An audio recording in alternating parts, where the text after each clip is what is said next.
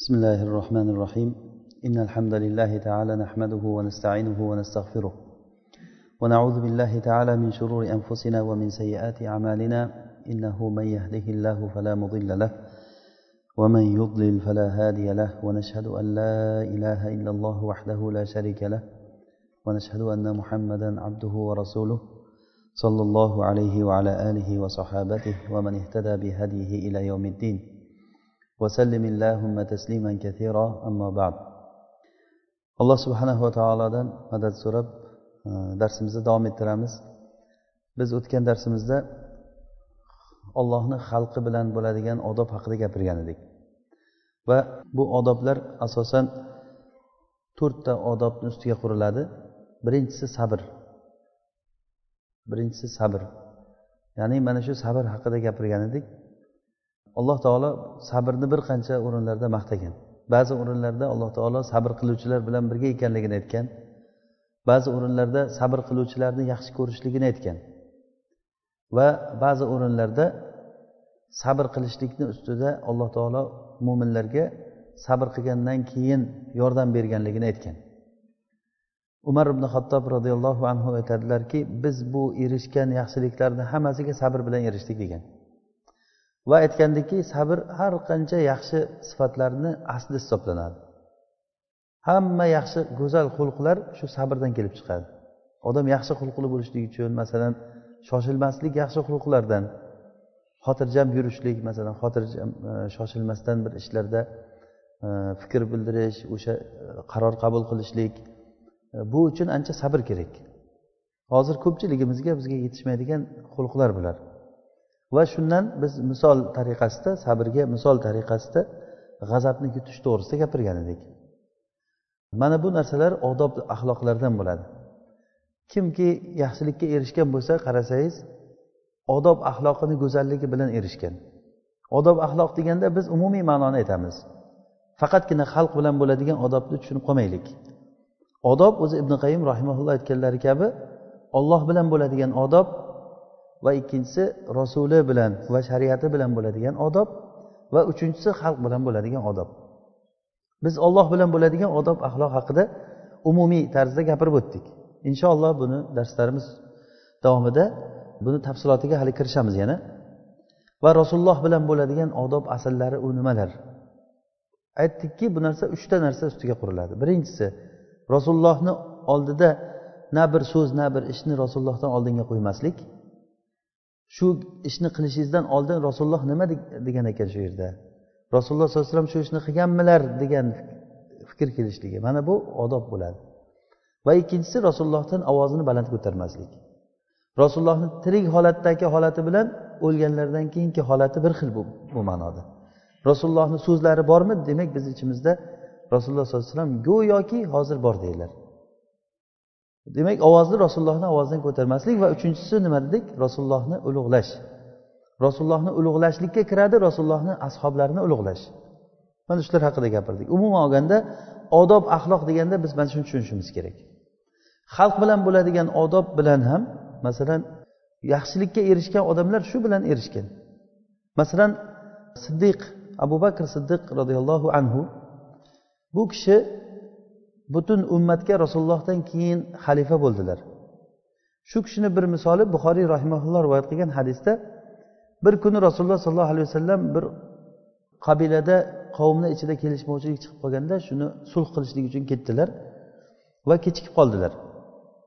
Sahobalar kutib o'tirdilar kutib o'tirdilar rasululloh kechikdilar. Keyin aytishdiki abu bakrga sen o'tib bizga imom o'tib namoz o'qib bermaysanmi? deganda rasululloh kechikdilar deganda abu bakr aytdiki agar xohlasanglar o'qiyman dedilar. Keyin abu bakr o'tib namozni boshlagan paytda rasululloh kelib qoldi. Rasululloh kelganlarini ko'rib sahobalar hammalari tasbeh aytib abu bakrga ishora qilishni boshladi. Abu bakrni odatlari namozga kirgandan hech narsaga qaramasdi. Va sahobalar juda qattiq ishora qilganlaridan keyin abu bakr ko'zini qiri bilan qarasalar rasululloh kelganliklarini ko'rib qo'llarini yuqoriga ko'tarib duo qildilarda. Orqaga qarab yurdilar. Shunda rasululloh sollallohu alayhi vasallam joyingda turgin deb ishora qildilar. Joyingda turgin o'qiyvergin namozni deganlarda rasululloh muhtadiy bo'lib o'qiyman deganlarida abu bakr rasulullohni joyingda turgin deganlarga unamasdan orqaga o'tdi. Orqaga o'tib turib iqtido qildilar rasululloh sallallohu alayhi vasallam namozni davom ettirib ketdilar imom bo'lib. Ya'ni imomni o'rni almashdi. Namoz tugagandan keyin rasululloh sollallohu alayhi vasallam aytdilarki nega joyingda turgin deganimda sen joyingda turmading? deganlarida abu bakr aytdilarki ibn abi quhafaga ya'ni o'zlarini aytdilar. Ibn abi quhafaga mumkin emas rasululloh turganda imom o'tishligi degan. Rasulullohni oldida imom o'tishligi mumkin emas degan. Rasululloh shunga indamay qo'ydilar. Ya'ni bu odob bu axloq rasululloh hatto namozda imom bo'lib turganlarida ham rasululloh kelganliklarini bilgandan keyin orqaga o'tib turib rasulullohni o'z joylariga qo'yganliklari. Mana shu axloqidan keyin u kishi ummatga xalifa bo'ldilar. Va yana biz hammamiz eshitganmiz uch kishini voqeasini. Safarga chiqqan yomg'ir yog'ib qolgan bizdan oldingi ummatlarda bo'lgan voqea. Bu ham xabar buxoriyda sahiy sunanlarda e, qariyb ko'p sunnatlarda kelgan. Yomg'ir yog'ib qolgandan keyin keyin yomg'irdan qochib bir g'orga kirishadi. Tog'dan bir katta tosh yumalab kelib turib g'orni og'zini qoplab qo'yadi. Baqirsalar hech kim eshitmaydi safar joyida. Ularni o'limdan boshqa narsa kutmaydi endi. Shunda ular aytishdiki bu joydan sizlarni faqat solih amallaring qutqaradi. O'tgandagi qilgan solih amallarini eslab o'sha bilan allohga duo qilaylik. Deb uchalasi ham eng olloh uchun qilgan eng o'zlari uchun yaxshi degan amallarini olloh bilan o'zini o'rtasida haligi yashirib qo'ygan amallari deganday shu amallar bilan duo qilishdi. Shulardan bittasi bizga bugungi masalamizga tegishli joyi. Bittasi aytdiki ey ollohim meni qarri otam bor edi. Shu otam nima qilmasdan turib ovqatini yemasdan turib men uxlamasdim. Tuyalarni olib kelar ekan boqib kelib turib tuyani sog'ib sutini otasiga ichirar ekan. Keyin otasi ichgandan keyin qolganini bolalariga berar ekan. Bir kuni nimadir bo'lib kechikib qoldim.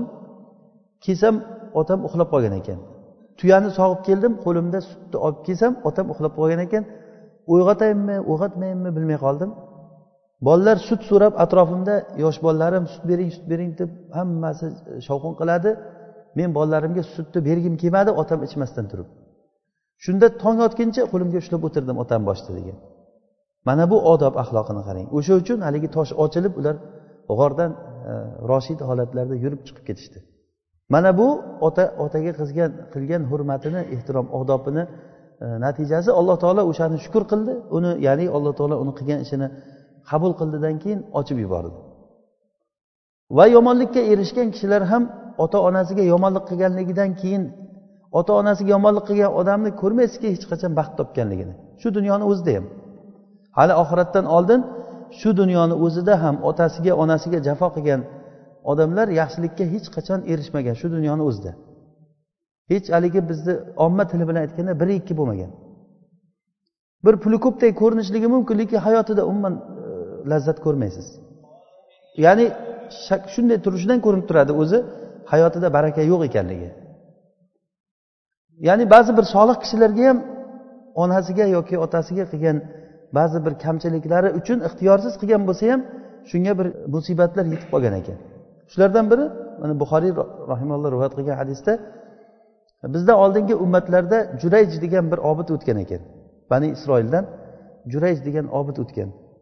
Bu kishi nihoyat darajada obid bo'lgan ya'ni faqat allohga ibodat qiladi asli o'zi u kishini tarixida boshida tijoratchi bo'lgan ekan. Tijoratchi bo'lib e, savdo qilar ekan bir foyda qilar ekan bir ziyon ko'rar ekan bir foyda ko'rar ekan bir ziyon ko'rar ekan. Keyin o'zicha aytgan ekanki men shunday qilib yuraverib hayotdan o'tib ketamanmi?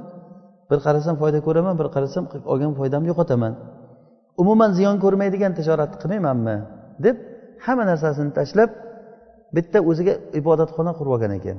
Ibodatxona bu savmaa deydi chaylaga o'xshatib qurar ekandan keyin haligi tagiga xodalarni qo'yib turib ustiga qurib narvon bilan yo arqon bilan osilib chiqib olar ekanda narvonni arqonni olib qo'yar ekan. Hech kim kelgan odam chiqolmas ekan. Ya'ni kelgan odam uni bezovta qilmas ekan. Shunda o'zini kitobini o'qib namozini o'qib chiqmasdan ibodat qilaverar ekan. Mana shunaqangi qattiq ibodat qiluvchi odam bo'lgan. Shunda bir kuni namoz o'qib turgan joyida onasi kelib qolgandan keyin ey jurayj ey jurayj deb chaqirgan. Shunda ey ollohim men namozimni davom ettirayinmi? Onamga qarayinmi? Namozimni davom ettirayinmi? Onamga qarayinmi? Hayron bo'lib qoldida u kishi. Namozimni o'qiveray deb turib namoz o'qidi onasi ketdi. Ertasi kuni yana keldi onasi xuddi shu payti yana namoz o'qib turgan payti bo'lgan. Ey jurayj ey jurayj deb chaqirdi onasi. Bu kishi yana onamga javob bersammikan namozimni davom ettirsammikan bilmay qoldilar. Va yana namozini davom ettiraverdi onasi ketdi. Uchinchi kun ham xuddi shunday bo'lganda onasi g'azablandi. Onasi g'azablanib turib insoniylikka borib seni yuzing fohisha ayollarni yuzini ko'rmaguncha o'lmagin deb ketdi. Ya'ni o'lguningcha seni yuzingni alloh taolo fohishalarni yuziga ko'rsatsin degan. Shu bilan kunlardan bir kuni o'sha shaharda nihoyat darajada bir chiroy bilan misol qilinadigan bir ayol bor edi. O'sha ayol ayollarni ichida o'tirib gapirib qolgan ekanki sizlar hammalaring maqtaysizlar shu jurayjni jurayj obid obid deb maqtaysizlar. Men shuni fitnalantiraman degan ekan. Fitnalantiraman deb turib bir kuni bir ilojini qilib turib o'zini shu jurayjga ro'para qilgan paytda umuman qiyo boqmay qaramagan ekan. Hali shoshmay turgin senga ko'rsataman men deb haligi ayol borib bir jurayjni oldiga kelib ketib yuradigan bir cho'pon kishi bo'lar ekan. Shu cho'pon borib uni yo'ldan urib o'ziga imkon qilib berib turib homilador bo'lgan ekan o'sha cho'pondan. Homilador bo'lgandan keyin keyin odamlar buni ersiz homila bo'lib qoldi bu deb jazo beramiz deb ushlagan paytlarida kimdan bo'ldi bu bola deganda jurayjdan degan ekan. Jurayjdan bo'ldi. Haligi odamlar kelib turib hey yo'q be yo'q jurayjni haligi savmaasini ibodatxonasini buzib o'zini urib juda xorlab sen hali ibodat qiluvchiman deb bu yerda hammani aldab yuribsan zino qilib yuribsan ekan deb xorlab turib podshohni oldiga olib borishgan shunda olib borgandan keyin jurayj olib ketishda u kishini o'sha fohishalarni mahallasidan haligi ayollarni olib chiqib olib chiqib qo'yib u kishini sharmanda qilishlik uchun yuziga to'g'ri qilgan ekan. Shunda u kishi ketishda o'sha fohishalarni oldiga borganda qarab bir kulib qo'ygan ekan. Kulib qo'yib o'tib ketganlar. Keyin haligi borgandan keyin u kishiga sen shunday obidman deb yurib shu buzuq ishlarni qilib yuribsan ekan deganda bolani olib kelinglar degan. Bolani olib kelgandan keyin qo'llarini bolani qorniga shunday qo'yib turib ey bola otang kim? degan ekan. Shunda haligi bola hamma eshitadigan hamma tushunadigan tilda otam falon falon deb haligi cho'ponni aytgan ekan. Shunda haligi odamlar butun qattiq pushaymon bo'lib u kishini qo'llaridan o'pib uzr so'rab aytishgan ekanki shu savmaizni tillodan qurib beramiz degan ekan. Tillodan qurib beramiz deganda yo'q menga tillodan kerak emas o'sha holatiga qaytarib qo'yinglar degan. O'sha holatiga qaytaringlar degan keyin haligi fohishalarni ko'rganda nega kuldingiz deganda onamni duosi ijobat bo'lganligiga kuldim degan ekan. Onam menga mana shunday duo qilgan edi o'sha narsa ijobat bo'ldi degan. Bu jurayjni namozda o'tirgandagi holatida onasiga labbay demaganligi uchun bo'lgan narsa bu. Demak shu tarixda agar qaraydigan bo'lsak qanaqangi bir musibat bo'ladigan bo'lsa shu musibatda albatta undan oldin bir muqaddamasi bo'lgan shu muqaddamalardan biri ota onaga yaxshilik qilmaslik bo'ladi. Yoki avf ibn malik degan bir sahobiyni misoli masalan bu ham sahih xabarda kelgan xolid ibn valid bilan u kishi jihodda bo'lgan. Keyin g'animat olingan paytda u kishi istagan g'animatini xolid unga bermagan.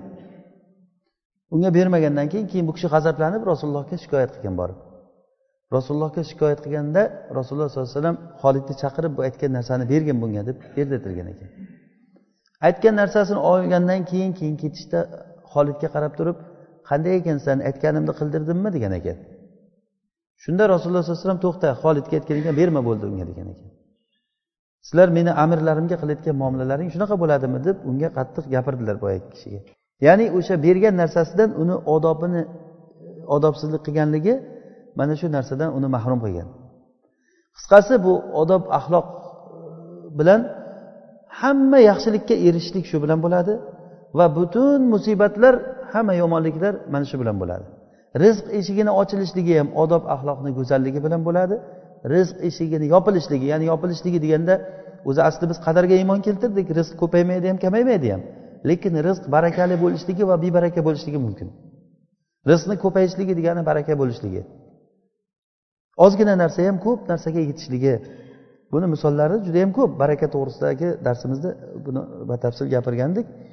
Shulardan biri yana sabrni bir e, odob haqidagi bir sabrdan kelib chiqayotgan odoblardan biri yumshoqlik. Ya'ni arab tilida buni rifq deydi. Rifq. Bu haqda shariatda judayam ko'p dalillar kelgan. Sahih hadislarda rifq bu rifq degani yumshoqlik xushmuomalalik degan ma'noda. Bu haqda judayam ko'p dalillar kelgan. Shulardan biri buxoriy va muslim rivoyat qilgan. Hadis muttafaqun alayhi. Oysha roziyallohu anhodan nabiy sollallohu alayhi vasallam aytdilarki innalloha rafiqun yuhibbur rifqa. Alloh taolo yumshoq ya'ni yumshoqlikni yaxshi ko'radigan muomalalik zot degani. Rofiq deganligi shunaqangi yumshoqki yumshoqlikni yaxshi ko'radi. Ya'ni har bir ishda yumshoqlikni yaxshi ko'radi. Ya'ni yuhibbur rifqo fil amri kullihi. Hamma ishda yumshoqlikni yaxshi ko'radi. Hatto ta'lim berishda ham hatto da'vat qilishlikda ham hatto bir jonliqni so'yishda ham amr ma'ruf nahiy munkar qilishlikda ham hammasida yumshoqlikni alloh taolo yaxshi ko'radi. Shuni o'zi bizga yetadi. Shu ish olloh yaxshi ko'radigan ish deyilinsa o'zi bizga yetishi kerak shu. Unuf bilan ya'ni unuf bu rifqni ziddi qo'pollik degani. Bu bilan hech narsaga erishib bo'lmaydi. Xosatan qo'lida bir boshliqligi bor bo'lgan odamlar roiy bo'lgan ya'ni boshliq bo'lgan odamlar davlat rahbari bo'lsin yoki oila boshlig'i bo'lsin. Uylangan odam xuddi davlat rahbaridek gap uni qo'l ostida farzandlari bo'ladi xotinlari bo'ladi. Ularni boshqarishlik uchun albatta kishiga rifq ya'ni yumshoqlik xushmuomalalik kerak bo'ladi. Bu rasululloh sollallohu alayhi vasallamni sunnatlari. Rasululloh aytyaptilarki alloh taolo har bir ishda yumshoqlikni yaxshi ko'radi. Hatto so'yishda ham.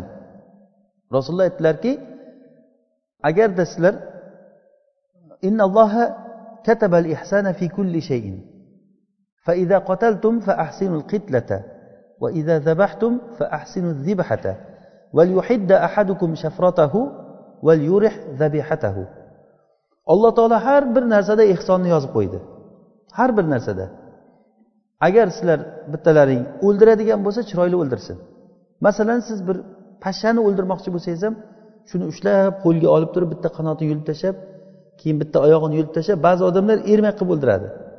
Mana bu narsa bizni shariatimizga zid narsa. Oddiy bir pashshani o'ldirishda ham o'sha o'ldirmoqchimisiz bir urib o'ldirish kerak. Ilonni o'ldirmoqchimi? O'shani qiynab o'ldirmasdan urib o'ldirib qo'yish kerak birdan. Chiyonni o'ldirmoqchimisiz? Agar nimani bo'lsa o'ldirmoqchi bo'lsa chiroyli o'ldirish kerak.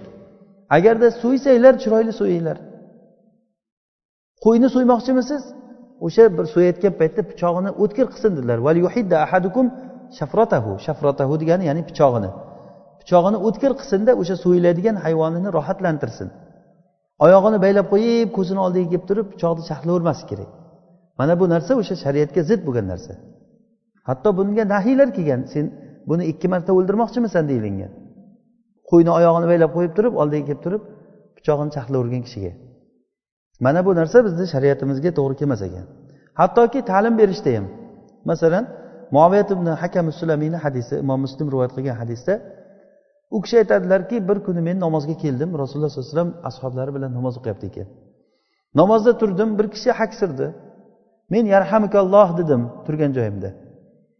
Shunda namozda gapirishlik harom bo'lgan payti edi bu kishi bilmagan. Oldin sahobalar namozda ozroq ozroq gapirib turishardi. Hattoki alloh taolo vaqumu lillahi qonitin oyatini nozil qilguncha shu oyat nozil bo'lgandan keyin sahobalar jim bo'lishdi hammalari namozda. Bu kishi muaviyat ibn hakam sulamiy bu hukmni bilmaydilar.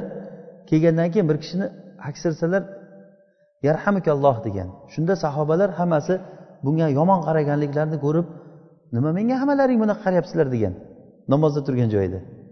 Keyin ular ba'zilari nima tizzalariga sonlariga qo'llarini urib unga jimbu degan ma'noda ishora qilganlarida men o'zi jimbu bo'lgandim degan. Lakinni sakattu degan. O'zi ular bildimki ular meni jim qilmoqchi lekin men o'zi jimbu bo'lgandim degan. Shunda namoz tugagandan keyin rasululloh sollallohu alayhi vasallam kim u gapirgan? dedilar. Men dedim. Bu yoqqa kelgin dedilar. Vallohi ma roaytu mualliman ahsana minhu. Ma darabani vala kaharani vala shatamani. Vallohi men rasulullohdan ko'ra chiroyli muallimni ko'rmadim degan. Meni urmadi ham so'kmadi ham yomon gapirmadilar ham. Aytdilarki bu namozda hech qanaqangi gap gapirishlik mumkin emas dedilar. La yasluhu fihi shay'un min kalamin nas. Odamlarni gapidan hech bir narsa bunda bo'lmaydi. Bu tasbeh uchun tahlil uchun va qiroatul qur'on uchun bu namoz dedilar. Tasbeh uchun tahlil uchun va qiroatul qur'on uchun. Bu hadisdan qancha qancha hukmlar olgan fuqarolar keyin? Mana shu muaviyat ibn hakam sulamiyni hadisdan. Keyin u kishi rasulullohni bu muomalalarini ko'rib turib ey rasululloh bizda bir odamlar borki shumlanadi. Ya'ni odamlar borki shumlanadi. Demak u kishi e, chekkaroq qabiladan bo'lgan. E, kohinlarga boradi deganda falatatihim dedilar. Borma ularni oldiga degan. Uzun hadis o'shanda rasululloh sallallohu alayhi vasallam unga ta'lim berganlar. Rasulullohdan ko'ra chiroyli muallimni ko'rmadim degan. Mana bu ham ya'ni rifqni bizga rasululloh sallallohu alayhi vasallamni hidoyatlari. Xuddiki darsimizni boshida aytganimiz kabi li utammima makarimal axloqiy yoki innama buistu li utammima solihal axloq men go'zal xulqlarni tamomiy qilish uchun yuborildim deganlari sollallohu alayhi vasallam. Yana bir misoli. Rasululloh sollallohu alayhi vasallam masjidda sahobalar bilan o'tirgan paytlarida bir arobiy kirib keldidan keyin allohimmarhamni va muhammada va la tarham ma'ana ahada dedi. Ey ollohim men bilan muhammadni rahm qilgin boshqa hech kimga rahm qilma dedi. Sahobalarga bu narsa qattiq tegan hammalariga. Faqat men bilan rasulullohni rahm qilgin boshqa odamga rahm qilma deyapti. Rasululloh aytdilarki laqad tahajjarta vasian deganlar. Yoki ba'zi rivoyatlarda hajjarta vasian. Sen keng narsani tor olib qo'yding. Ollohni rahmati keng. Bunaqa demagin. Olloh meni ham seni ham rahmat qilsin. Hammani rahmat qilsin. Ollohni rahmati kamayib qolmaydi. Bu arobiy rasulullohni yaxshi ko'rganligi uchun aytyapti bu gapni. Xuddiki uni o'zini tushunchasidan kelib chiqyaptiki rahmat agar hammaga taqsimlanib ketsa ozayib qoladi deganda ya'ni men bilan muhammadga qolsin boshqa odamga qolmasin deyapti.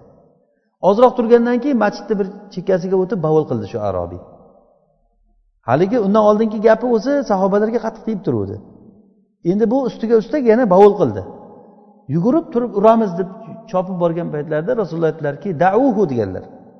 Va boshqa rivoyatda la tuzrimuhu ya'ni unga xalaqit bermanglar. La tuzrimuhu degani bavul qilayotgan kishiga xalaqit bermanglar degani. Xalaqit bermanglar unga dedilar. Bavul qilib bo'lgandan keyin bu yoqqa keldilar arobiyga ey arobiy bu masjid bu joyda hech qanaqangi bir iflos va rasvo narsalarni qo'yishlik mumkin emas bu tahorat qilingan joy ber. Poklashlikka buyurilgan joy bilmaysanmi shuni deganda ey rasululloh vallohi men mana bu masjid bilan ho anavi sahroni bir xil deb o'ylabman degan. Shunchalik darajada jafo bo'lganda shunchalik darajada jafoki o'shani bilmagan.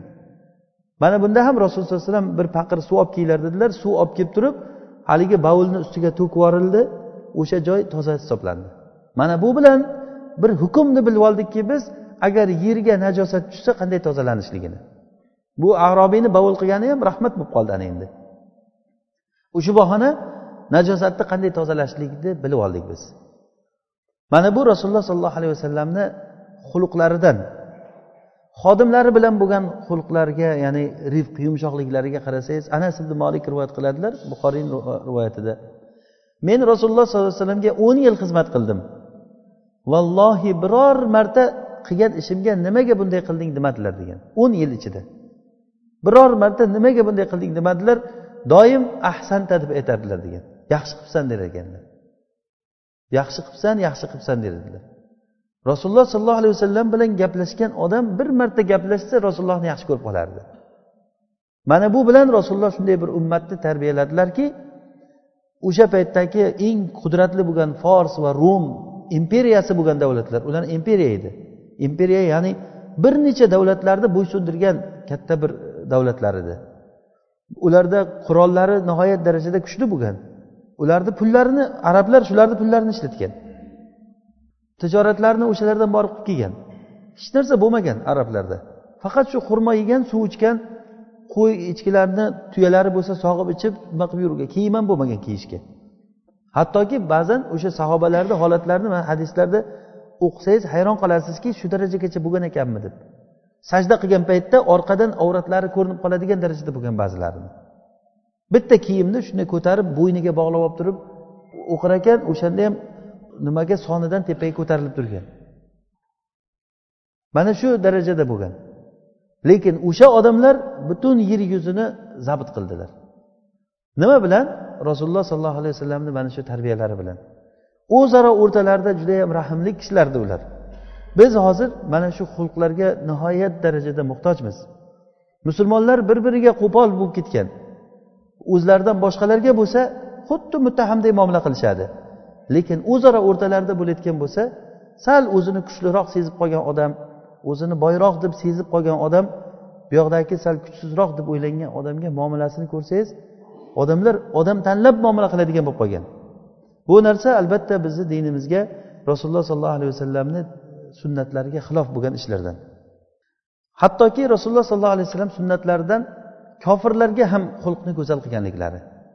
Kofirlarga ham. Alloh taolo qur'onda vaqulu linnasi husna degan. Odamlarga linnas bu yerda kofir mo'min hamma umum berdi. Hammaga yaxshi gapiringlar deb kelgan. Hattoki fir'avnga muso alayhissalomni yuborgan paytda nima dedi?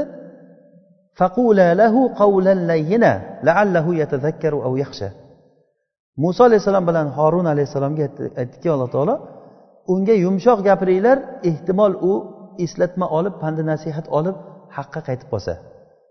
Demak haqqa qaytishlikni sabablaridan biri da'vatchini yumshoq bo'lishligi. Da'vatchi odam mo'min odam da'vatchi bo'lgandan keyin ollohni diniga da'vat qiladigan bo'lgandan keyin nihoyat darajada bu bizdan yumshoqlikni talab qiladi. Bu ollohni sunnati bu. Alloh taolo mana shu narsani yaxshi ko'radi. Shu o'zi bizga yetishi kerak. Olloh yaxshi ko'radi shu ishni dedimi bo'ldi shu yetishi kerak. Alloh taolo unufni yomon ko'radi. Jabbor bo'lishlikni alloh taolo yomon ko'radi. Zo'ravon jerkib gapiradigan haligi ba'zi bir odamlar bo'ladi oldida birov gapirsa qopib oladi. Uyida farzandlari qo'rqib o'tiradigan ota shunaqa otalar borki uyida bolalari o'sha otadan qo'rqib yashaydi. Otasidan qo'rqib yashaydi. Hattoki bir e, bizni ustozimiz aytar edi ibtidoiyda o'qib yurgan paytlarimda bir e, nima bilan gaplashib qolsam e, sherigim bilan ertaga juma men eng yaxshi ko'rgan kunim juma kunini yaxshi ko'raman desam u sherigim aytyaptiki meni eng yomon ko'rgan kunim juma deb aytyapti deydi. Nega bunday deysan desa juma kuni dadam uyda bo'ladi deb aytadi dadasi o'sha uyda bo'lgan kuni tinchlik bo'lmas ekan. Shunchalik haligi unufdan qo'polligidan bezor bo'lgan haligi bola ham. U xotini hattoki bu xulqi yomon odamdan kuchuklari ham bezor bo'lar ekan. Agar u odam o'ladigan bo'lsa butun odamlar hamma rohat qiladi o'shandan. Alloh taolo yomon ko'rgandan o'zi bilavering alloh taolo yomon ko'rgan xulq hech qachon yaxshilikka olib kelmaydi. Olloh rifqni yaxshi ko'radi. Alloh taolo unufni qo'pollikni yomon ko'radi. Demak shundan biz xulosa qilaverishimiz kerak. Rasululloh sollallohu alayhi vasallamni oldilariga bir kuni bir yahudiylar kirib keldi. Uylariga keldilar rasulullohga. Bir xizmat bilan kelib turib haligi yahudiylar assamu alayka dedilar. Assamu alayk assam degani o'lim degani. Senga o'lim bo'lsa xuddiki haligi bildirmasdan la'natlayaptida rasulullohni. Shunchalik bir ablah odamlar bo'lgan ular. Bo'lmasa rasulullohni uylarida shunda va alaykum dedilar rasululloh sollallohu alayhi vasallam. Oysha onamiz buni eshitib turgandilar tushunib qoldilar ularni gapini. Va alaykum va antum alaykumussamu val g'adabullohi val la'natu dedilar. Sizlarni o'zlaringga uh, o'lim bo'lsin ollohni g'azabi bo'lsin la'nat bo'lsin dedilar oysha onamiz. Shunda ular ketgandan keyin rasululloh aytdilarki ey oysha bu rifqni alloh taolo rifqni yaxshi ko'radi. Sen o'zingga alayka bir rifq alayki bir rifqi dedilar. Sen o'zingga yumshoqlikni lozim tutgin. Bu gaping yaxshi emas bularga gapirgan gaping deganlarida ey rasululloh siz eshitmadingizmi ularni gapini? degan.